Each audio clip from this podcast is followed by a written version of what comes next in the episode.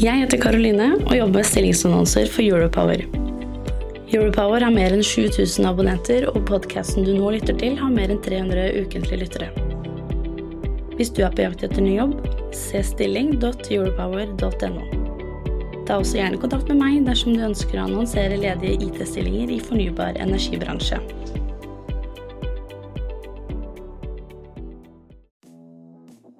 Sendinga er produsert av Europower Partner og er et liveopptak fra Teknologioptimistene, energibransjens IT-konferanse. Sendinga er produsert i samarbeid med konferansens sponsorer.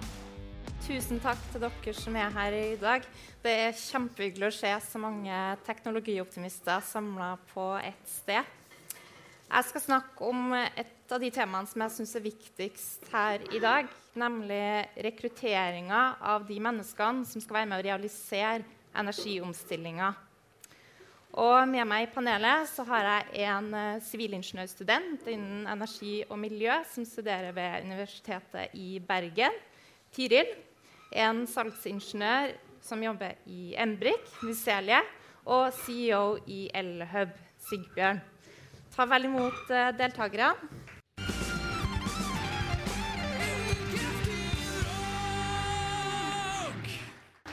Så først så må vi bli litt bedre kjent med dere. Eh, først, Tiril, du er student, men du har allerede rukket å samle opp en del arbeidserfaring. Både gjennom praksis, sommerjobb, deltidsjobb. Eh, mye erfaring til å være så ung. Eh, men kan du fortelle litt om studievalget ditt? Hvorfor energi og miljø? Ja, så Jeg begynte først på informatikk på Universitetet i Bergen. Det ble litt mye programmering, og jeg, veldig, jeg så liksom ikke helt poenget med det. Eh, og så fant jeg den da energi, eh, energistudiet. Og sånn, ok, men energi er jo på en måte kilden til sånn hele samfunnet, selv teknologibransjen. Så var jeg sånn ah, ok, det er litt kult. Da kan man jobbe med mye eh, innenfor det. da. Så det er jo i hvert fall sånn hovedmotivasjonen. Mm. Og Miselie, du skrev masteroppgave hos DNV og hadde praksis hos Trønder Energi, hvor du senere fikk jobb. Og siden har du jobba mange år i bransjen. Hvorfor bestemte du deg for en karriere innen energi? Ja, si det. Jeg var jo som alle andre, har lyst til å redde verden. Og jeg skjønte jo med en gang at teknologi var veien da, til mye. Og med asiatiske aner så er det mange som tenker ok, det er lege som man skal bli. Men så hadde jeg jo gode eh, lærere som viste meg veien at ok, med teknologi så har du faktisk en større impact på menneskeheten. Og at de viste meg eh, med en studietur da, til Voit Hydro faktisk, så var det en avdelingsleder der som bare fortalte, brukte halve dagen og inspirerte og fortalte liksom viktigheten av strøm. Viktigheten av transmisjon av strøm. Du sørger faktisk at noen skal få telefonen din lada opp. Du sørger for at noen skal få leselamper når du skal lese noe og studere noe. Så da bare merka jeg at OK, her er det veien. Ikke sant? Det, det, er jo lett å glemme. Man tar det fort som en selvfølge. Ikke sant? I hvert fall her i Norge, som bare har strøm lett tilgjengelig.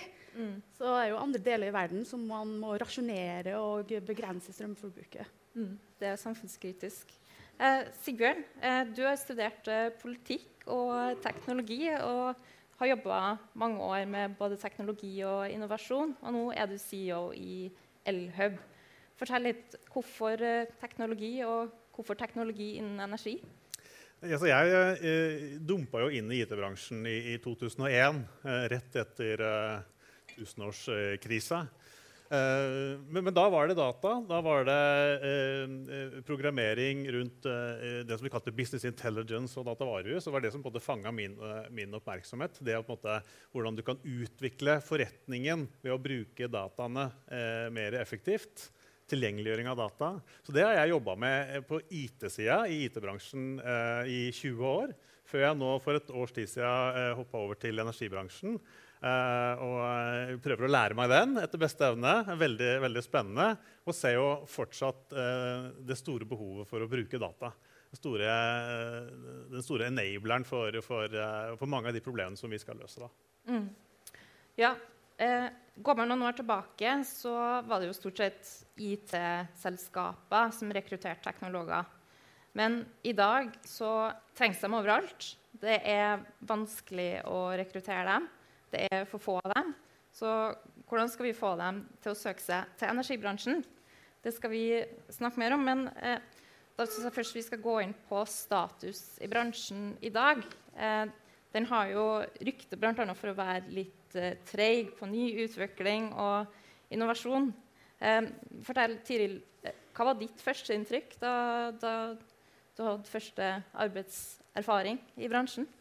Ja, eh, så jeg hadde jo da praksis hos eh, Eveny, eller da BKK, men da på innovasjonsavdelingen. Så jeg syns de var veldig gode med masse innovasjon og nytenking. og ok, hvordan kan vi få dette ut, ut i verden, da, rett og slett. Uh, så mitt inntrykk er jo egentlig veldig bra. At er, her er det tipp topp stemning med innovasjon og nytenkning. ja, Men jeg vet du har jobba litt med, med, Excel? Mens, ja, det, der er det ikke så mye nytenking. Der er det Ja, jeg, jeg, jobber deltid for uh, Eveny Digital uh, og litt sånn lønnsomhetsanalyser og, og sånt. Og det er um, oh, Nei, det er forbedringspotensial på Excel-sida. Tror du de her eh, Excel-arkene skremmer deg unge teknologer som deg sjøl fra å søke seg inn i bransjen? Jeg tror at det kanskje er mer sånn ok, Her er det faktisk et veldig stort mulighetsrom til forbedring. Og jeg merker jo selv at jeg på en måte har jo litt mer sånn mindset sånn der Å ja, OK.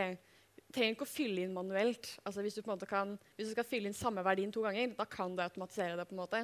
Så det har jo jeg med meg sånn hvor som helst enhver oppgave jeg gjør. Og det merker jeg jo mange medstudenter også har, som kanskje er ja, litt mer der optimaliseringstankegangen. da. Mm. Så for min del er jeg bare trist på vegne av alle som må sitte dag inn og dag ut med sånne manuelle oppgaver som bare egentlig kunne blitt gjort på, med tastetrykk. da. Så for min del er det litt mer motiverende at ok, her er det faktisk veldig mye som må eh, jobbes med. da. Nå kan du bygge nettverk og dele erfaringer med teknologioptimister gjennom hele året. Teknologioptimistenes nettverk består av både kunder og leverandører innenfor IT og fornybar energibransje. Vi møtes seks ganger i året på samlinger der bransjen presenterer konkrete prosjekter og diskuterer problemer og løsninger. Aktører i bransjen kan tegne medlemskap på selskapsnivå. Se teknologioptimistene.no for mer informasjon om nettverket. Eh, Miss Ja, jeg støtter veldig det Tiril sier. Det var også mitt første inntrykk når jeg hadde første sommerjobb. At det var mye Excel fortsatt. Og mye manuell arbeid som kunne automatiseres. Og det tok meg ti minutter å programmere det. Og da ble jeg jo veldig overraska over det. da.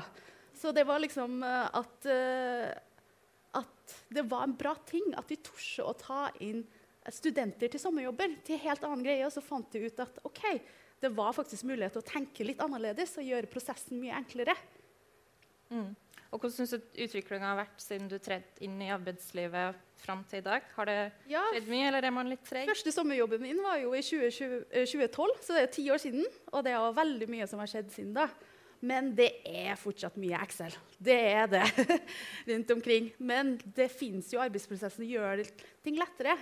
Men man må være si, åpen og tørre å, liksom, eh, å tenke litt nytt. da at uh, det samme gamle har fungert og fungerer ganske bra, men det er mulighet til å gjøre ting mer effektivt. Ja. Så hva vil du si er den største utfordringa bransjen har når det kommer til det her med å tenke nytt og være fremoverlent? Nei, Det var et stort spørsmål. Uh, vil du støtte meg på det? Sende spørsmålet videre. Jeg tror kanskje bransjens største utfordring var det vi hørte litt i de to første samtalen i dag, hvor det, liksom, det, ble pekt på at det er vanskelig å samarbeide, og vi må gjøre noe med kulturen. Liksom. Det er Ikke gå ut til studentene på NTNU og snakke om det, i hvert fall, for det, det tror jeg kan være noe som kan være med å skremme bort uh, potensielle uh, ungdommer som liksom vil inn, inn i bransjen. Så, så, la oss legge bort det og se på det som er positivt, det man faktisk uh, får til. Og så må vi ut og vise oss. og jeg tror vel at den strømkrisa som vi har nå, kan være veldig positiv. Mm. Um, fordi det gjør at bransjen blir litt sånn dytta på. Uh, det er med og presser oss på innovasjon. Vi må tenke nytt. Og for en bransje som som har en del eh, virksomheter som, som, har eh, monopol, og som måtte ha gjort eh, det på sin måte, og som har et, eh, har et oppdrag, og som tenker at okay, det, det, er fint for oss å, å, kunne holde på sånn som vi er. Så, så må du nå med, med, fleksibilitet Vi skal utvikle sol, vi skal, vi skal, bygge mer effektivt nett. Det gjør at vi må dytte på etablerte prosesser, og vi må tenke nytt. Og det gjør at vi kanskje slipper opp og er litt mer mottagelig for, uh, for, kompetanse som kommer fra andre bransjer, som har vært igjennom uh, kriser, eller som har vært mer pressa på, på, marginer. Og det kan være fra retail, eller fra telekom eller fra oljebransjen det, som, som har opplevd uh, tøffe tak, og som har blitt tvinget til å tenke nytt. Mm. Er det et inntrykk at man er åpen for endring? Eller? Ja, jeg tror det. Og, og IT blir en sånn Eh, det blir jo en ting som gjør at du, du, du samarbeider og du, du, jobber sammen. Eller bare et godt eksempel på det, hvor et prosjekt hvor eh, alle aktørene i bransjen nå samarbeider eh, i en løsning med felles grensesnitt og felles prosesser. Og Det er klart at det har gjort at veldig mange selskaper samarbeider om akkurat det. Mm. vi beveger oss litt videre til et annet punkt som bransjen får litt kritikk for, nemlig mangfold. Den er jo kjent uh, for at den er mannsdominert. Det er den eldre generasjonen som dominerer. Um, dette er jo bare noen få ting. Uh, mangfold handler jo om veldig mye mer enn det her. Uh, hvordan vil dere definere mangfold? Hva er godt mangfold? Hva, hva ønsker man seg da? Miselia, du Jeg kan skyte inn der. Yes. Mangfold er jo mye der. Uh, det gjelder jo ikke bare kjønn, eh, gjelder alder, etnisitet, men ikke minst livserfaring også. At, eh, og det, som du sier, at det er fra andre bransjer. Du må ikke ha typiske elkraftbakgrunnen til å være i en, eh, energibransjen. Du kan få fra retail, som du sa, fra olje og energi. Eh, og eh, du må tenke liksom litt utenfor boksen også.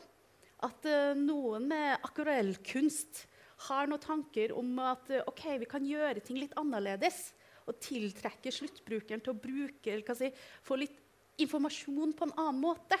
For det er jo problemet nå, at sluttkunden har, har ikke forståelse på at det er forskjell på nettselskap og kraftselskap og strømselskaper.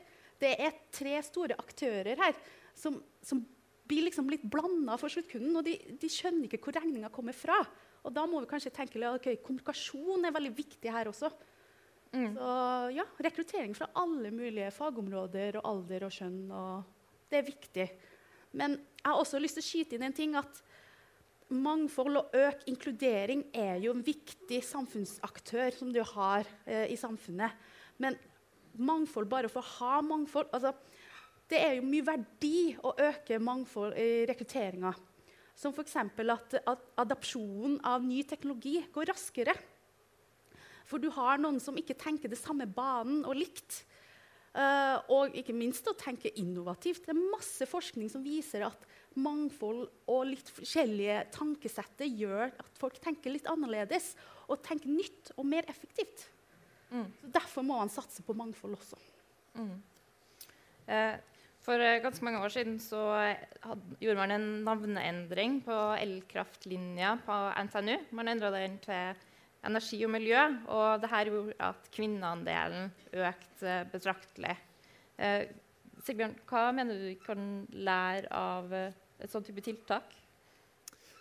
Nei, altså det, jeg, jeg, tror det er nyttig. Uh, og, og uh, Eh, jeg tror du kan Tiril må nesten svare på det, men jeg, jeg, tror det har en effekt. Uh, og Måten vi omtaler bransjen vår på, måten vi snakker om det.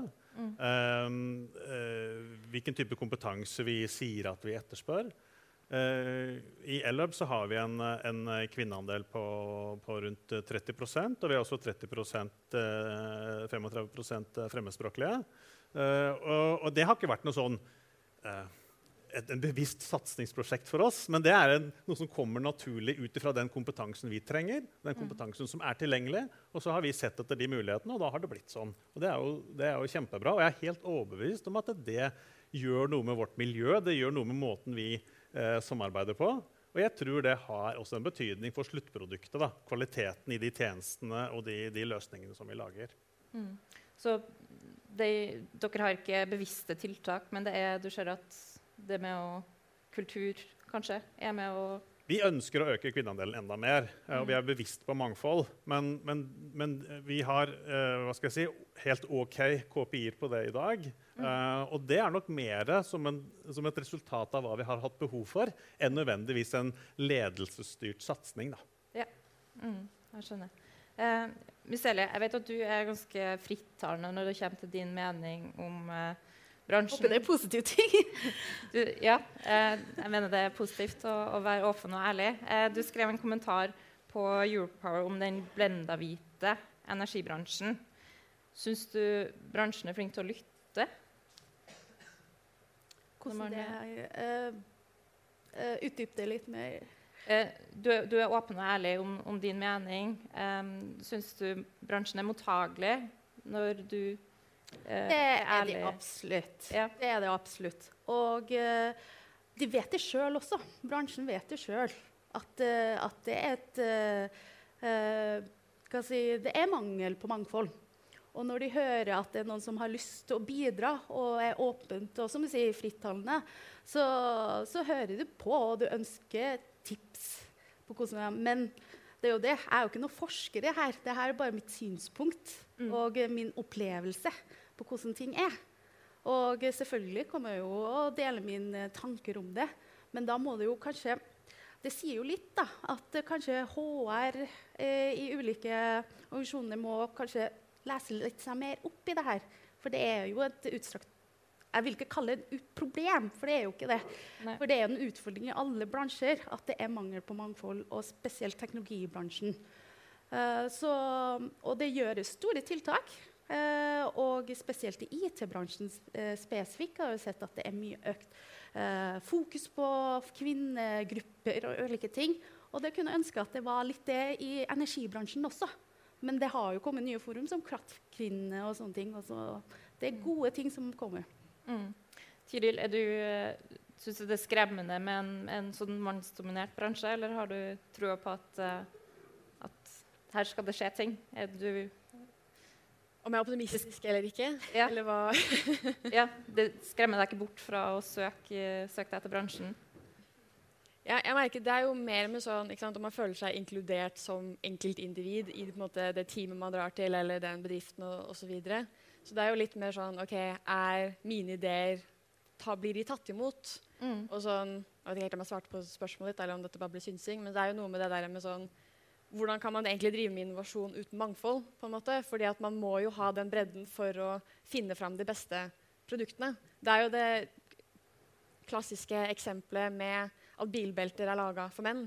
Mm. Altså fordi det ikke er kvinner som var med å utvikle det.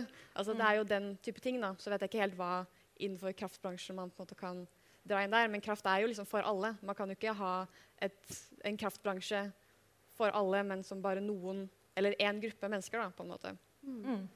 Ja. Om det skremmer meg? Nei, for så vidt ikke. Det er jo alltids mulig å endre på. ja. Men for å skyte inn der, da. Tiril hun valgte jo bevisst en linje som er mannsdominert. Det gjorde jeg også. Da vi liksom Vi tør å stikke ut oss litt ut. Mm. rekruttering starter allerede ganske tidlig alder. Ja. Skal jo, uh, jenter skal jo begynne allerede uh, når de er små, om uh, å velge teknologi. Å velge uh, videregående linje, forståelse for matte og fysikk, at det er det som er liksom, veien videre. Så det å starte tidlig, og som en oppfordring til alle som står her Åpne dørene deres, inviter dere sjøl til skoleklasse og inspirer. For gode rollemodeller er viktig. Og grunnen til at jeg ikke går legelinja, var jo at noen åpna døra uh, og brukte halve dagen sin for å fortelle hvor viktig uh, strømmen er for folk. Og jeg skjønte at ok, det her er med å redde og faktisk utfordre uh, menneskeheten. Mm. Ja. Eh, mangfold handler jo om mange ting. Eh, Tiril, du er leder i den studentforeninga, lokal leder i Bergen for den studentforeninga som jobber med utveksling for de som studerer teknologi. Eh, fortell litt, Hvorfor er du engasjert her? Eh, hvor, ja, Hva er viktig med dette arbeidet? Hva ønsker ja. du å trekke fram? Eh, så IST er en internasjonal studentorganisasjon som driver med jobbutveksling for studenter. Eh, så da er det sånn at Vi finner jobber i Norge, og så får vi også sendt studenter i Norge ut. Så på en måte, ja, Det ble jo oppretta etter andre verdenskrig for å bringe fred til verden. og den type ting, Så det er jo liksom store mål her. da. Eh, men det er jo noe med den internasjonaliseringen og møte mennesker fra hele verden. Hvordan gjør dere det der? Hvordan gjør dere det her? Jeg syns det er veldig interessant, egentlig. Bare litt sånn Ja, bare hva, hva finnes utenfor oss og Norges grenser, da? Mm. I det store og det hele. Ja. Eh, og Sibjørn, der du eh, jobber nå, så er det ganske internasjonalt, eh, har jeg forstått. Eh, hva syns du er de store fordelene ved å ha et internasjonalt miljø på arbeidsplassen? Man lærer mye. Eh, man lærer å ta hensyn. Man lærer å, å, å, hvordan man skal vi kommunisere for å få med oss andre. Eh, det er jo overførbart til nesten alt vi skal gjøre. Eh, eh, kulturer, måten vi løser problemer på. Eh, har, eh, altså Kundene våre er jo også ikke bare selv om vi, vi, er i det norske markedet, så er jo Norge eh, flerkulturelt. så Derfor så må alle løsningene våre være tilpassa det samme. Det gir også en, en stor fordel der. Mm. Eh, men når vi ser på eh, helhetlig på rekruttering, eh, så ligger jo Norge etter med utenlandsrekruttering. Det er kanskje oljebransjen som stikker seg ut med at de har vært flinke på å rekruttere engelskspråklige. Hvordan tenker dere at Norge kan bli flinkere på å rekruttere utenlandsk arbeidskraft til, til den norske energi- og kraftbransjen? Tiril? Uh, jeg prater med ei som jobber i Eveny, som er fra Polen. Um, og hun sa at sånn, mange av de vennene hennes da, som hun møtte på, for hun studerte i Norge Og da studerer man gjerne på engelsk, for mange mastergrader er jo på engelsk. Men så er jo eh, næringslivet er jo på norsk, så det er veldig høy terskel for å da bli i Norge. For det er veldig mange som syns Norge er veldig bra og interessant og, og vil gjerne bli værende jobbe her, men så er alltid arbeidsspråket på norsk. Så jeg vet ikke om jeg hadde funnet noen måte å være sånn OK, engelskspråklig, men så lærer man på en måte norsk mens man jobber. Altså, det må jo finnes løsninger for det, men det er gjerne liksom arbeidsspråket da, som mm. gjør, uh, gjør, det til en veldig høy terskel å, da, å bosette seg i Norge. Da, for du, du klarer ikke å lære deg kjempebra norsk på to år. Altså, det skal veldig mye, mye til. da. I hvert fall når vi nordmenn er veldig gode på engelsk også. Mm. Vi prater jo ikke norsk tilbake når folk prøver. Vi går rett over på engelsk. Mm. Det også jo, gjør det enda vanskeligere å lære språket. Mm. Men uh, IT, uh, er ikke det mye engelsk språk der? IT-språket i arbeidssammenheng? Det funker kjempefint. Ja. Snakke engelsk, og veldig mange gjør det. Uh, og, vi, og, vi, gjør det. Og mange av kundene våre har også engelsk som som, som fagspråk. Mm. Og så har vi et marked som vi skal møte, hvor vi mm. snakker med aktørene våre, markedsaktørene hver eneste dag. Og da, der er det mange som foretrekker norsk. Så det er, det er, begge deler, da. Mm. Ja. Du sa jo på starten at oljebransjen er flink til å rekruttere utenlandsk arbeidskraft. Jeg tror ikke det har vært en bevisst handling fra oljebransjen. Det er mer at det, det mangla kunnskap. Og derfor trengte de å se utenfor Norges grenser for å trekke inn. Og det er kanskje det hele uh, debatten her handler om, og hvordan tiltrekke de uh, teknologene. Så hvis vi mangler folk, da, mangler kompetanse uh, i Norge, så er det jo også mulighet til å se utenlands. da, Samme som oljebransjen har gjort. Mm. Ja. vi må runde av litt med denne mangfoldsdelen. Men før vi går videre, så ønsker jeg å høre litt med dere i publikum.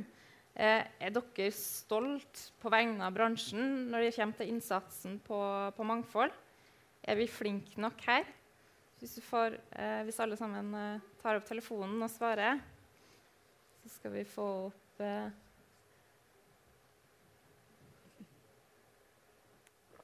Ja, ganske todelt. Det er noen som mener at vi har eh, har en lang vei å gå, men at vi er, så er det noen som mener at vi òg er flinke på noen områder. Men det er ingen som er, særlig, det er, ingen som er fornøyd. Vi, vi, er ikke stolt, så vi har, vi har, noe å jobbe med når det kommer til det her. Yes, vi går litt videre. Vi må også snakke litt om eh, kultur og miljø. Eh, hva, eh, Miselia, hva mener du er, hva er et godt arbeidsmiljø? Hva, hva trenger man da? det er som du sier, det er jo ikke nok å bare rekruttere teknologene. Man må også bruke tiltak for å beholde dem. Nettopp. For at det er veldig lett når du er flink så, å bli rekruttert til andre bransjer eller andre organisasjoner. Så et godt arbeidsmiljø er jo alfa og omega for at noen skal eh, ønske å beholde og er i jobben sin. Mm. Men uh, definisjonen på godt arbeidsmiljø er jo forskjellig fra folk til folk. Og da må man kanskje bruke litt tid da, og møte og se hver enkelt. Hva er behovene deres? Mm. Uh, og med hensyn til energiselskaper, det er jo ikke rene teknologi- eller IT-selskaper slik det er i dag. Eh, hvordan skal man skape godt miljø på tvers av fag innad i en bedrift? Hvis du har løsningen til det, da har vi jo fått har vi løst mye som er debatten i dag, er jo kommunikasjon. Å Mm. få folk til å snakke sammen. Mm. Nei, altså, også må, man må legge til rette for, for kompetanseutvikling, kompetanseheving. Eh, når man ansetter eh, teknologer, så, så er det en forpliktelse i det. De må holde kompetansen sin eh, oppdatert. eh, og det kan man gjøre en rekke tiltak ved. Men så handler det også om måten man leder på. Eh, og at man eh, Vi bruker mye smidige metoder. eh, eh, prøver å bevege oss bort ifra det å ha eh, lange spesifikasjoner, eh, spekker, og så skal det utføres, og så skal man styre og måle. Vi ønsker heller å ha små iterasjoner, at folk skal bli ansvarliggjort i de valgene man tar. For det handler jo veldig mye om ikke kanskje hva du nødvendigvis kan som teknolog, men hva er det du klarer å utvikle, hva, hva for noe nytt er det du klarer å lære deg, og hvor fort kan du lære deg noe nytt, hvor lang tid kan du få på det. Og det å gi rom for utvikling da, i den uh, hverdagen vi har, det tror jeg er superviktig. At ikke teknologene føler at de blir noen som er på et samlebånd og bare skal skrive masse kode, eller eh, nå må jeg ha neste leveranse, neste leveranse, neste, neste leveranse. Mm. Uh, dette er smarte folk som ønsker å være med og utvikle selskapene som de er en del av. De ønsker kanskje ikke at eh, jeg tror ikke det funker alltid så bra at eh, ledelsen sitter og klekker ut en strategi eller det er en visjon eller noen verdier, og så sier man vær så god, kjære teknolog, nå venter jeg at du skal bli veldig inspirert av dette, og så håper jeg du programmerer fort. Folk ønsker å være med da, i utviklingen av selskapet. Hva er det vi brenner for? Hva er det vi skal uh, utvikle? Uh, og da må man involvere mye. Ja. Det er jo som Miselie sa. Eh, man skal ikke bare rekruttere teknologer, man skal også beholde dem. Så det. Eh, men Sigbjørn, eh, hva koster det å, å rekruttere noen? Eller hva taper man hvis at en person forsvinner før det har gått eh, et år? Jeg, jeg vil ikke si noe tall på det, for det, det er så forskjellig. Men det, det er klart at eh, det koster jo å rekruttere. Men jeg vil jo si at man først må regne ut eh, og se på hva det koster å utvikle det man har. Eh, det er liksom Det er der liksom low hanging fruit er. Eh, hva kan du utvikle? Hvordan kan, vi, hvordan kan du best mulig utnytte de ressursene som allerede er om bord? Um, når man da først skal ut og, ut og rekruttere, så må man eh, være klar over at det koster. Man må betale markedspris, selvfølgelig, for man er et eh, kompetitivt eh, marked. Og det, eh, kompetanse, det, det koster. Mm. Yes. Eh, du var litt inne på det, det her med, med noe som jeg vil trekke frem noen trender. Eh, blant de som er unge i dag, når de skal søke jobb, så er det ikke nødvendigvis lønn som er det viktigste. Men man er opptatt av egenutvikling, og at man jobber med noe som man tror på. Det nevnte jo litt her om at det er viktig for folk å utvikle seg. Um, Tiril, du som er ung, eh, kjenner du deg igjen i de her eh, trendene? Eh, ja, det gjør jeg absolutt. Jeg kjenner meg også igjen at jeg ikke kanskje jeg føler Energibransjen er veldig flinke til å ikke fortelle omverdenen eller studenter hvor samfunnsnyttig det egentlig er. Det er veldig sånn Å ja, dere eksisterer. OK, men det er ikke Hvilken samfunnsnytte har dere håper jeg si, for meg? Da? For det er jo noe med det at sånn Vil jo gjerne jobbe med noe som bidrar noe til eh, det større bildet osv. Så, videre. så det er definitivt noe energibransjen kan bli litt bedre på. Det er sånn Kommunikasjonen? Hjelpe samfunnet. Ja. På en god måte. Eh, Andre bransjer er jo veldig flinke Mm. til å være ute og mase på studentene. Å være tidlig på, uh, fange oppmerksomheten. Uh, og så har de skjønt at okay, hvis vi kan jobbe med ungt entreprenørskap på videregående, så har vi enda en fordel. fordi da når de kommer til studiestedet, så vet de allerede hva Microsoft er, eller hva Google er, eller hva det måtte være. Og så har du helt ned til, eh, til koding for barn og osv. Så, videre. så mange andre bransjer jobber jo mye tidligere med bevissthet og rekruttering enn det energibransjen gjør. Da. Så der er det jo en, eh, en vei å gå. Mm. Eh, I publikum så ønsker de ønsker også å høre eh, hvordan skal bransjen konkurrere med hippe konsulentselskap som tilbyr god lønn, ungt arbeidsmiljø, isbar på jobb, reiser til utlandet, hobbyrom på jobb. Tiril? Altså kan du starte med å vise seg frem. Sånn, jeg, på Universitetet i Bergen så er det jo ingen, nesten. Eh, der er det jo altså, altså, Ikke undervurder gratis mat og drikke til studenter. Det er god PR, altså. Sånn helt seriøst. Så det er billig, billig rekruttering der, da. Viselie?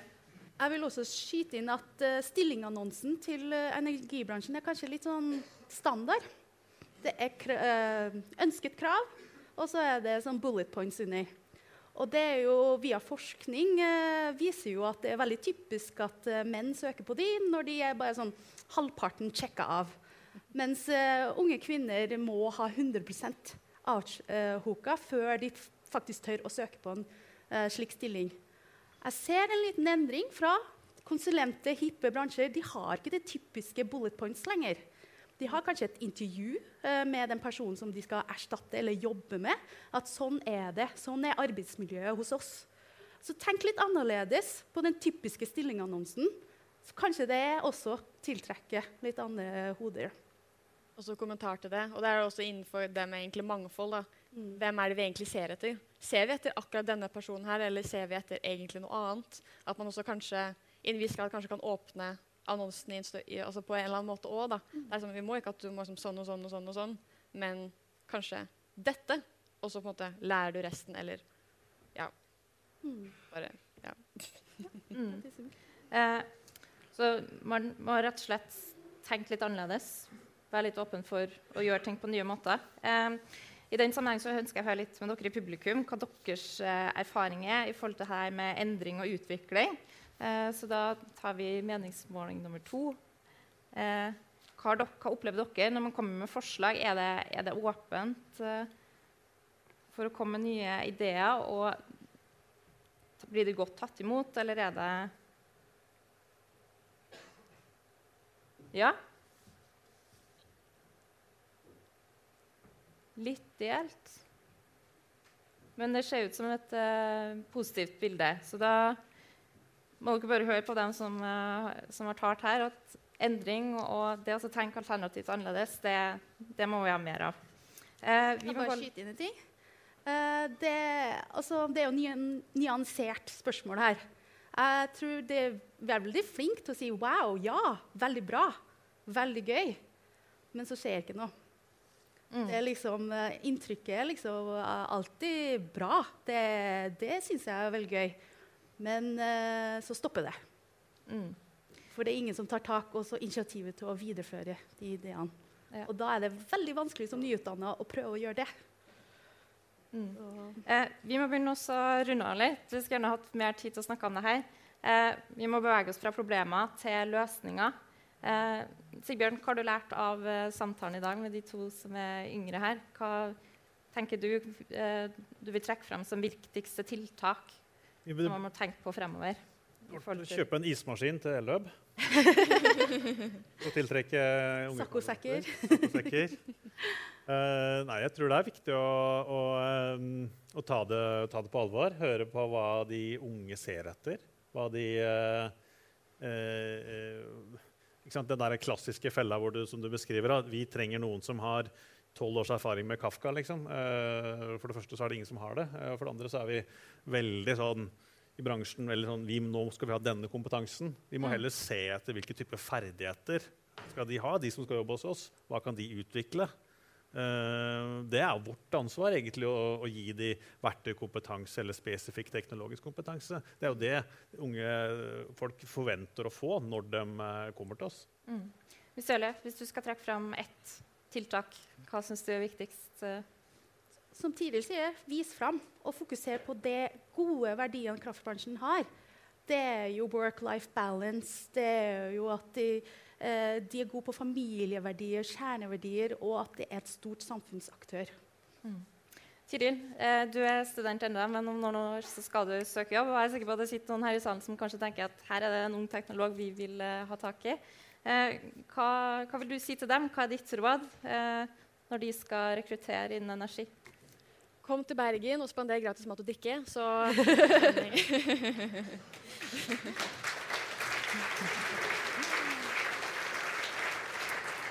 Yes, og Helt til slutt så ønsker jeg å høre fra dere i publikum hvilket område dere syns er viktigst akkurat nå. Dette er jo selvfølgelig, det er jo selvfølgelig flere områder som er viktige, og vanskelig å velge kanskje ett som er viktigst. Men akkurat nå, hvor skal vi starte for å så bli bedre på å rekruttere teknologer? Yes. Innovasjon og kommunikasjon. Innovasjon. Publikum har talt. Da Yes. Da sier jeg takk for meg, og så takk til dere i panelet. Så eh, skal vi fortsette med neste debatt. Takk for meg.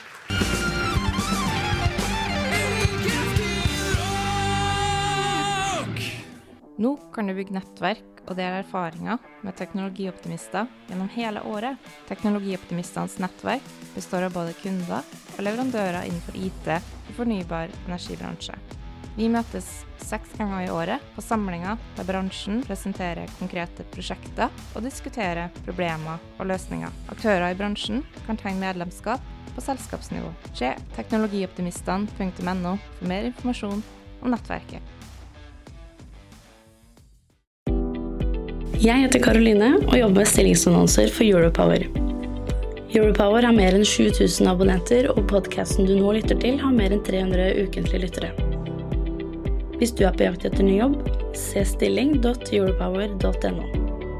Ta også gjerne kontakt med meg dersom du ønsker å annonsere ledige IT-stillinger i fornybar energibransje.